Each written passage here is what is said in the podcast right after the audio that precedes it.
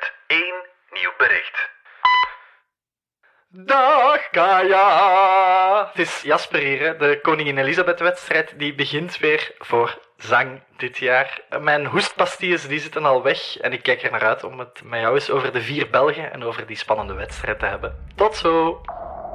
Ik ben Kaya Verbeke en van de Standaard is dit Radar, je wekelijkse cultuurpodcast. Radar.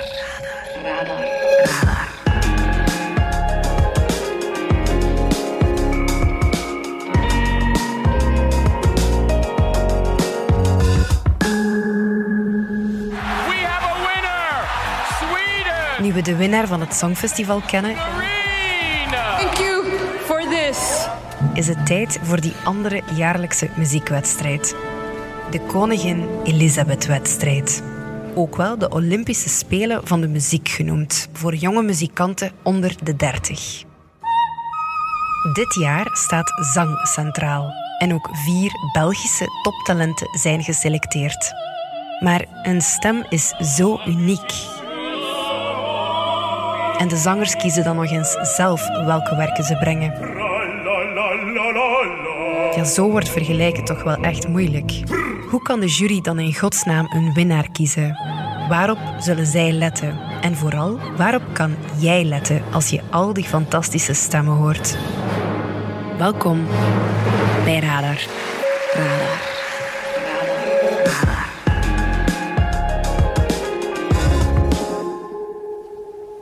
Dag Jasper Kronen. Dag Kaya.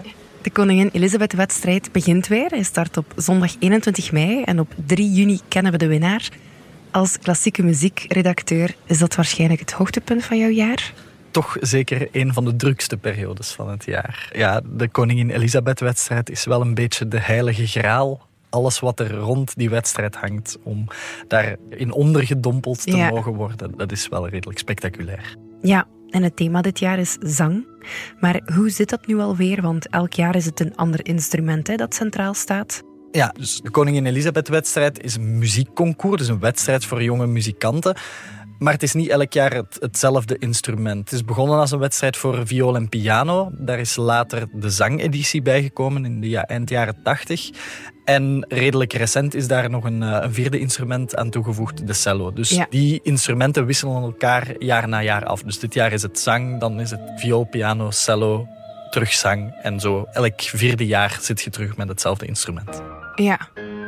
Wij gaan natuurlijk supporteren voor de vier Belgen. Wie zijn onze toptalenten? Er zijn eh, vier zangeressen die meedoen. Twee mezzo-sopranen en twee sopranen. Je hebt Lindsay Koppens.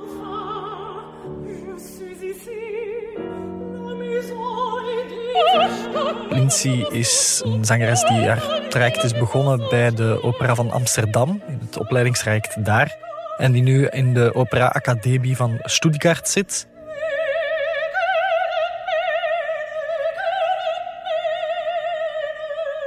Je hebt eh, Kelly Poekes.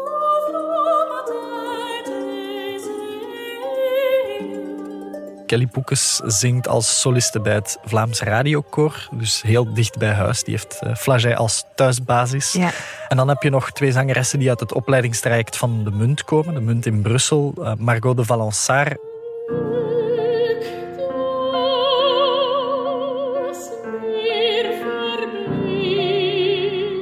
en Lotte Verstaan.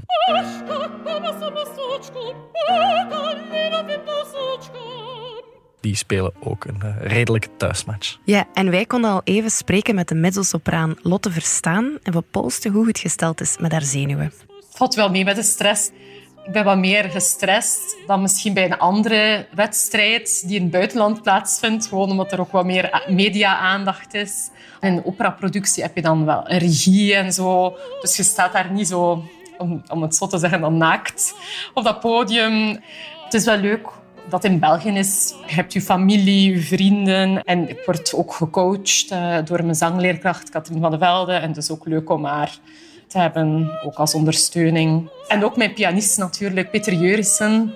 Dat is, dat is wel heel fijn. En ga jij ook supporteren voor de Belgen, Jasper? Of probeer je toch een beetje neutraal te blijven als journalist?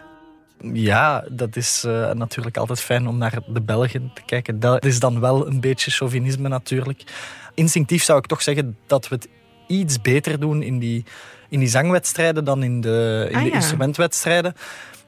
We hebben fantastische resultaten ook, ook bij piano en viool en cello. Ik denk maar aan de vorige edities waar voor cello Stefanie Wang de finale haalde. Ja. En voor viool haar zus Sylvia Wang.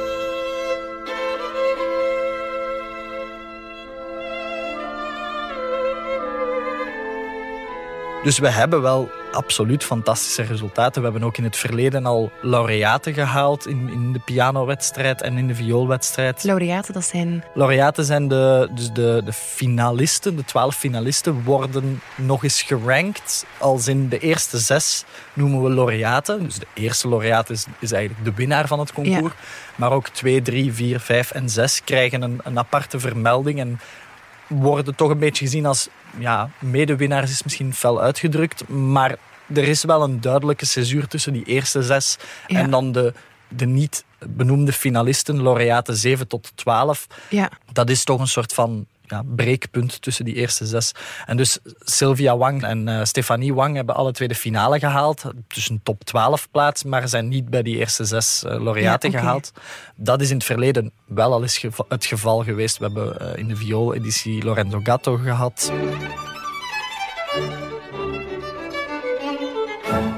We hebben Liebrecht van Bekkenvoort in de piano-editie.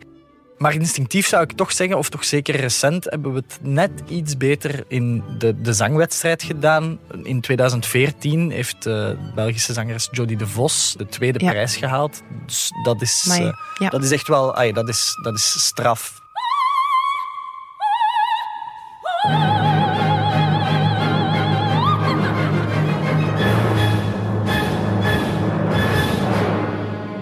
Dus laten we hopen dat de vier eh, van nu het ook zo ver schoppen. Ja, sowieso. Maar dus alle Belgische deelnemers zijn vrouwen. Hebben we dan geen mannelijke goede zangers? Absoluut wel. Hè. Oké. Want een aantal van de deelnemers nu, of deelnemsters, komen uit het, eh, het opleidingstraject van de Munt in Brussel, de Ja. opera. Ehm, daar zitten ook fantastische mannelijke zangers bij. Als je ook naar de jury gaat kijken, daar zit eh, José van Dam in. Dat is Ja. een van de grootste zangers die we in ons land Mhm. heb- hebben gehad.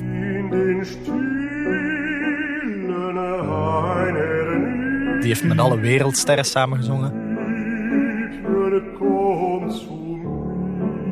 Dus ze bestaan zeker wel, ja. Dit is natuurlijk de top 64 van de wereld. Er Ja. zijn meer dan 400 eh, video-inschrijvingen geweest. Ah, er is al een preselectie Ja, dus er wordt een preselectie Ja. gedaan. Hè. De mensen die aan de start komen zijn eigenlijk al de 64 beste Ah, ter wereld, Ja. kan je eigenlijk wel zeggen. Ter wereld, zeg je? Dus ze komen echt uit alle hoeken van de wereld. Ja, ja, absoluut. Je hebt deelnemers uit Zuid-Afrika, uit Australië, uit de Verenigde Staten. Ja, veel Europeanen en vooral ook veel mensen uit het Verre Oosten. Koreanen, Chinezen, Japanners in mindere mate. Die schrijven zich eh, traditiegetrouw met heel veel in. En Ja. die schoppen het ook vaak zeer ver in die wedstrijd. Ook de Russen doen het eh, traditiegetrouw heel goed. Allee, zeker als we historisch gaan kijken. Ik denk de meeste overwinningen staan bijvoorbeeld nog altijd op naam van de Sovjet-Unie. Ah ja, Maar dan gaan we al heel ver terugkijken. Maar ook, ook dit jaar doen ze gewoon terug, mogen meedoen. terug mee. Ja, ja, Ja. absoluut. In feite is de Koningin Elisabeth-wedstrijd een, een non-politiek eh, Ja. evenement. Dus zangers die daar eigenlijk niks mee te maken hebben met die oorlog, mogen wel gewoon meedoen. Ferme competitie dus voor onze landgenoten. Wat gaan zij allemaal doen? Hoe verloopt de wedstrijd? Ja, de wedstrijd duurt twee weken. De eerste ronde begint op eh, zondag 21 mei en, en maandag 22 mei. Daar zingen ze twee nummers, twee stukken naar keuze. Er is eigenlijk maar één voorwaarde. Die stukken mogen niet in dezelfde taal zijn en mogen niet uit dezelfde stijlperiode komen. Dus je mag bijvoorbeeld een hedendaags stuk en een barokstuk zingen of een stuk uit de romantiek en uit het klassicisme, maar Ah, ja. geen twee stukken uit dezelfde Ja. stijlperiode. In de eerste ronde zing ik een aria van Mozart en ook een lied van Berlioz uit Le Nuit d'été. Het geeft wel zo verschillende kleuren weer. En dat vond ik ook heel belangrijk. Dat ik in veel verschillende stijlen kan tonen wat dat kan. Van 64 gaan ze naar 24 in de halve finale. Eh, Dat is op 24 en 25 mei, dus al redelijk snel na die eerste ronde.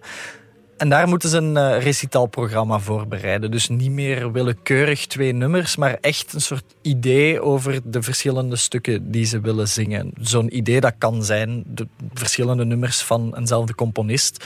Of je kan thematisch gaan werken. Bijvoorbeeld, ik vertel een verhaal over de nacht, dus al mijn liederen moeten daarmee te maken hebben. Of ik vertel een verhaal over de dood en alle liederen moeten daarmee te maken hebben. En de kandidaten moeten eigenlijk twee van die programma's voorbereiden. Ah. En de jury kiest er de, normaal gezien de dag op voorhand één van beide Ah. uit, zodat je ze alle twee moet, eh, moet voorbereiden. Dus je kan niet beginnen oefenen op, op één van de twee. Je moet wel zorgen dat je die, alle twee die repertoires of alle twee die Ja. recitals eh, klaar hebt staan. Maakt het extra moeilijk. Ja, ja, dat is echt de grote uitdaging van de Koningin Elisabeth-wedstrijd. Dat je het breed moet houden en dat je op alles voorbereid moet zijn. En Jasper, stel dat Lotte in de finale raakt of een van de andere Belgen mag door naar de finale. Wat staat hen dan te wachten? De finale, dat is voor de top 12, is op donderdag 1, vrijdag 2 en zaterdag 3 juni. Dan zingen ze drie tot zes werken naar keuze opnieuw.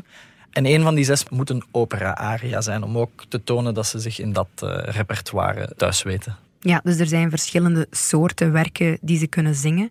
Je vermeldde al opera. Waarvoor kunnen ze nog kiezen? Heel kort door de bocht heb je eigenlijk twee opties. Je hebt enerzijds de aria's, en dat zijn gezangen die uit, uit opera's of uit oratoria komen. Een oratorium is een soort opera, ook een soort groots verhaal dat verteld wordt, maar waar, waar opera over fantasie, over mythen gaat, gaat het oratorium meer over de katholieke context. Ah, Eh, de Messiah van Handel bijvoorbeeld. Thou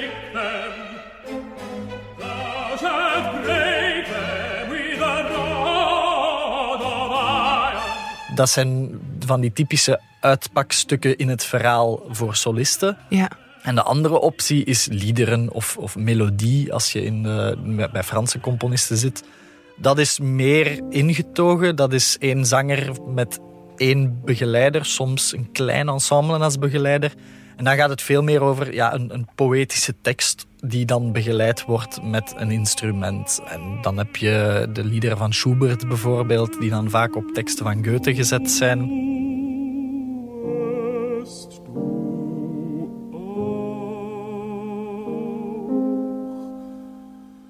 Bij het ene zit je in de uitpakmomenten van, van zo'n groots, vaak theatraal spektakel. En bij het andere zit je in het meer intieme, poëtische, kleine bezetting. Dus dat zijn zo de twee grote pistes die je kan nemen. ja, maar dus alle deelnemers zingen dan waarschijnlijk andere werken, zelfs andere stijlen. Hoe kan de jury dan eigenlijk de prestaties vergelijken en beslissen wie beter doet? Ja, dat is de grote moeilijkheid van zo'n wedstrijd. En dan zeker ook van een zangwedstrijd. Hè? Want in een pianowedstrijd speelt iedereen toch tenminste aan hetzelfde instrument.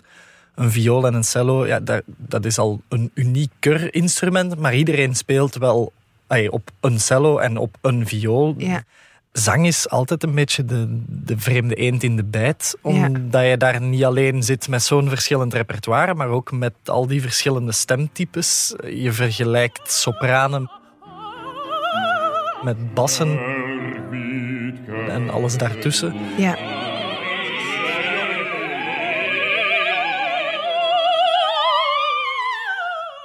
Ja, dat is heel moeilijk. Vaak zit daar toch ook wel een, een persoonlijk element in, of een Ja. persoonlijke voorkeur. ja, elke stem is ook uniek. Elke stem is zeker uniek. En je zit dan ook nog eens met het feit dat er bepaalde verschillen zijn in het repertoire. En ook een tenor en een sopraan zijn bijvoorbeeld in, in de opera vaak de hoofdrollen, de hoofdpersonages. Ah ja, ja. Traditiegetrouw, als een componist vroeger een opera schreef, de, de belangrijkste stukken waren voor die hoofdpersonages natuurlijk. En dat was voor een Ah, tenor ja. en een sopraan. Dus dan, dan zit je ook al op, op dat vlak intrinsiek met een aantal verschillen. Dus dat maakt het heel moeilijk om, om te vergelijken. Ja, er zijn meer interessante stukken voor een sopraan en een tenor. Daar zult je me nu niet op betrappen. Maar Er is meer aanbod. er is meer aanbod. En Ja. zeker de allerbekendste stukken Ja, zijn vaak de stukken voor sopraan en tenor. oké. Ja, anderzijds kan je daar misschien dan net wat unieker mee of, of wat, or- wat origineler mee uit de hoek komen. Ja. we mogen ook niet vergeten, ja, wij spreken als toch nog enigszins meer liefhebbers dan die, die leden van de jury. Ja, ik ga er wel vanuit dat zij ook dat repertoire voor bas en voor alt wel compleet doorgrond hebben. Ja, ze gaan daar wel doorkijken. Hè? Ja, dat denk ik toch wel. En er mhm. zijn sowieso, welk stemtype je ook hebt, ja, er zijn wel elementen waar je op kan beoordelen. is het goed geprojecteerd in de zaal bijvoorbeeld? Of is het technisch juist gezongen. Dat zijn dingen die professionele zangers wel kunnen horen. Ja, is dat dan waar de jury op gaat letten? Zo de aanwezigheid op het podium, stage presence ook? Dat Techniek. Speelt, dat speelt zeker een rol. Ik heb nu toevallig met de juryvoorzitter Bernard Foucault eh, even gesproken. Dat zijn natuurlijk de elementen waar een, een professionele jury zeker op moet letten. Hè. Hoe gebruik je dat instrument, die stembanden, gebruik je die op een correcte manier? Dat moet je als jurylid wel kunnen beoordelen. En er zijn nog zo zaken. Hè. Plaats je stem juist zodat je de volledige zaal bereikt. Je mag niet vergeten, dat wordt gezongen zonder versterking. Dus je moet wel, ja, Flaget en Bozar, wat dan echt een gigantische zaal is, je moet dat wel kunnen vullen met, met je stem. Um, dat gaat ook over dingen als de uitspraak. Als iemand een Frans nummer zingt, is dat juist gezongen. Het gaat over dingen als, als intonatie. Dus er zijn emotie, ook. emotie, maar dan zit je natuurlijk alweer iets meer in het, in het persoonlijke. Hè? De, ah, de, uitspraak en de, de techniek, dat zijn dingen die je, denk ik, los van persoonlijke kan beoordelen, of toch meer kan beoordelen. Maar natuurlijk, ja, het blijft kunst, het blijft iets, iets subjectief. Dus je zit ook met raakt die persoon mij? Heeft hij de juiste, of volgens mij de juiste artistieke keuzes gemaakt, interpreteren? Dat is ook iets waar een jury op gaat letten, maar dat, dat kan dan wel weer veel persoonlijker zijn. Het is niet dat ik, dat echt zo'n bepaalde strategie heb ontwikkeld of zo. Want ja, je bent wie dat je bent als artiest. En ik vind, ja, om zo authentiek mogelijk te zijn als artiest, wat ik vooral wil tonen is gewoon ja, je persoonlijkheid. En ja, ik wil ook, ik vind het altijd heel belangrijk, de interactie met publiek. En dat je echt iets overbrengt en mensen kunt raken ook met wat dat je brengt. Ja, ze maken eigenlijk veel eigen keuzes. Bijvoorbeeld ook, er is geen verplicht werk. Hè. Vorig jaar hebben we de podcast gemaakt over de Koningin Elisabeth-wedstrijd voor cello. En ik herinner mij vooral dat we het hadden over zo die bootcamp voor de finalisten. Dat ze zich dan afzonderen in de kapel en dat ze dan vijf dagen studeren op een nieuw verplicht werk. Mhm. Die ze dan uitvoeren in de finale. Dit jaar is dat er niet bij. Nee, nee de zangwedstrijd is ook op dat vlak een beetje een, uh, een unicum. daar zijn een paar redenen voor. Eh, de meest voor de hand liggende is gewoon het praktische. De instrumentwedstrijden duren meer dan een maand. Dat past gewoon niet echt in hoe een jonge zanger of toekoer een professionele zanger zijn planning maakt. Die zitten heel vaak, toch zeker de mensen die voor opera kiezen, wekenlang in zo'n repetitieproces voor een opera. Die kunnen zich niet zomaar even meer dan een maand beschikbaar maken aan die wedstrijd te gaan meedoen. Ja. Een tweede reden is wat, waar we het daar juist over hadden. Hè. Je, je zit met die verschillende stemtypes. En dan hebben we het nog maar eigenlijk alleen over het bereik gehad. Want binnen de sopranen heb je ook nog eens verschillende stemtypes. Je hebt sopranen die meer voor het lyrische werk zijn, meer zo wat de, de, de zeemzoete lijnen. Je hebt ook de coloratuursopranen die dan echt zo de heel hoge uitpakmomenten in de aria krijgen. Of de dramatische sopranen. Dat zijn nog allemaal lichte nuanceverschillen in hoe je de stem gaat gebruiken. Dus om dan één plichtwerk te schrijven dat voor al die stemtypes werkt en dat ook nog eens binnen al die bereiken, want natuurlijk een, een bas die heeft andere noten waar die aan kan dan een sopraan. Dat is gewoon onmogelijk om daar een plichtwerk voor te schrijven of om verschillende plichtwerken voor elk stemtype te schrijven. Want dan eh, beats de purpose van een plichtwerk natuurlijk, als elk stuk toch iets anders is. Ja, niet simpel om te beoordelen dus. Maar als ik nu live ga kijken, hè, of ik kijk op televisie, ga ik dan ook horen welke deelnemer het beter doet? Is dat iets wat je voelt? Of moet je daar echt wel een professional voor zijn? Ik denk dat voelen het juiste woord is. Want ik denk zelfs als je er niks van kent of nauwelijks iets van kent, je gaat dat inderdaad wel een beetje aanvoelen. Ik denk dat het allerbelangrijkste is van raakt die persoon mij? En, en nu dan proberen af te vragen, ja, hoe komt dat nu eigenlijk? Waarom raakt die zanger mij meer dan die andere? Heeft dat met de stem te maken, heeft dat met het nummer te maken. Op die manier kan je voor jezelf, denk ik, ook als je er niet in thuis bent, wel een soort van waardeoordeel vormen over bepaalde zangers. En ik denk dat dat het, eh, het allerbelangrijkste is natuurlijk gewoon genieten van de muziek. Dan, als je in de zaal zit, soms gebeurt het dan toch en dan heb je kippenvel. En Ah, ja. dat is heel moeilijk om, om, om uit te leggen hoe dat dan precies komt. Maar je voelt dat direct. Ja. En dat zijn wel de momenten waar het voor doet natuurlijk. Ja, kippenvel is wel een goede graadmeter. Kippenvel is, is altijd een goede graadmeter. Ja. Wat denk je, Jasper? Op het Songfestival werden we zevende, niet slecht. Zit er ook een top 10 in bij de Koningin Elisabeth-wedstrijd? Goh, dat vind ik eh, altijd moeilijk om in te schatten. En Ja. ik vind ook dat Gustav een hogere plaats dan zevende had Absoluut. verdiend. Maar dat zou ons te ver leiden. Eh, Mhm. Ja, dat is, dat is heel moeilijk om, om in te schatten. Het zijn ook zo'n jonge zangers of zangeressen dat het Ja. onmogelijk is om ze echt allemaal al ja, te, gehoord te hebben of aan het werk gehoord te hebben. Laat staan live aan het werk Ja. gehoord te hebben. Ze hebben sowieso wel een aantal voordelen, toch? Ja, zeker en vast. Ja, niet in het minst dat het vier Belgen zijn. Dus ze zijn alle Thuismatch. vier een thuismatch. Ja. En ze zijn alle vier ook wel al een beetje vertrouwd met die zalen. Flagey en zeker Bozar is een redelijk eh, indrukwekkende zaal als je daar voor het eerst op het podium staat. Ja. het helpt wel als je daar dan al, al, al is het maar als, als toeschouwer al een paar keer hebt gezeten. En dan zit je nog met Lotte Verstaan en Margot de Valençaar. Die hebben nog een extra voordeel. Dat zijn twee zangeressen die in het eh, opleidingstraject van de Munt zitten in Brussel.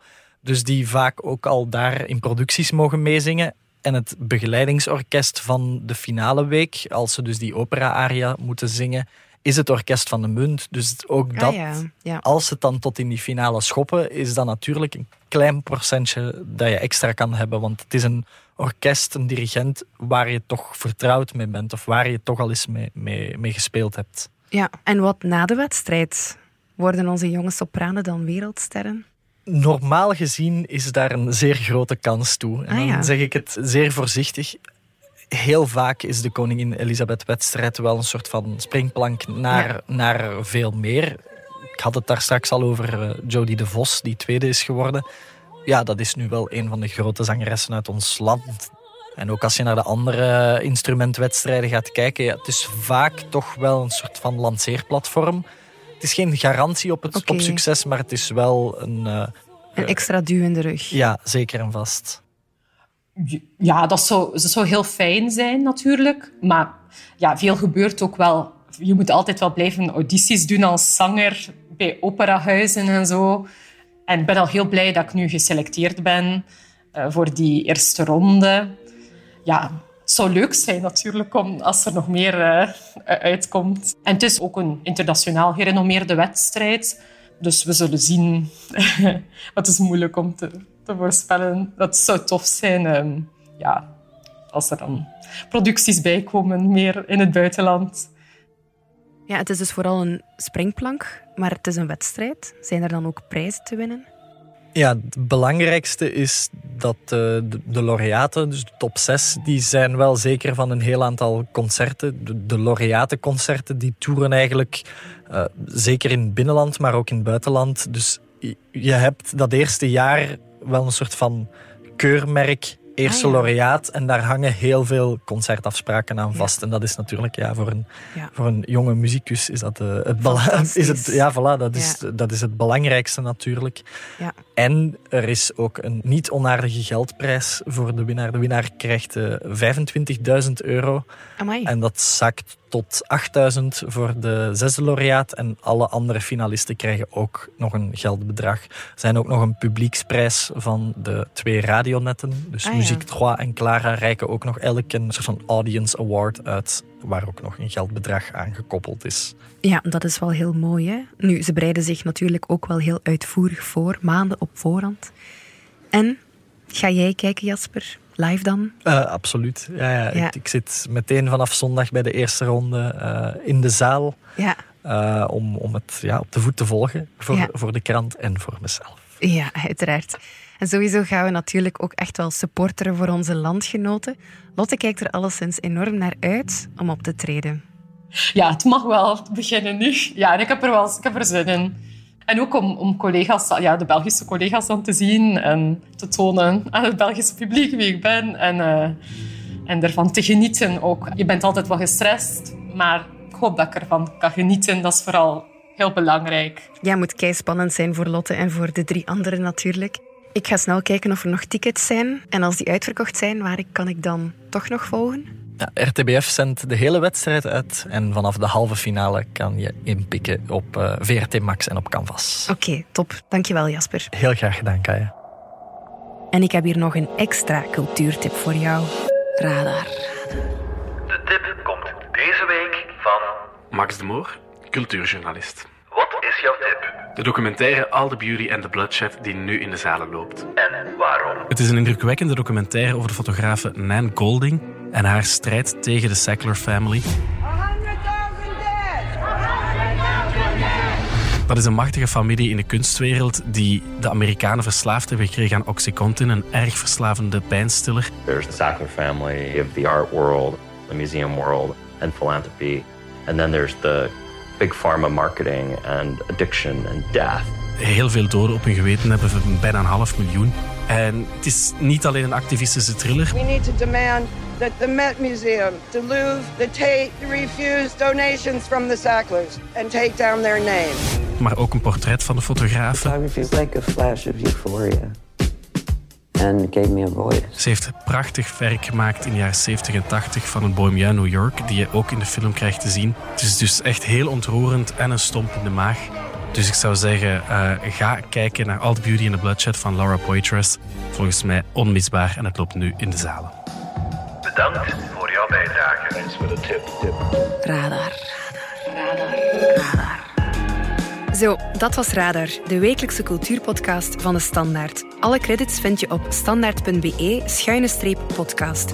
Bedankt voor het luisteren en uh, tot volgende week. Hè.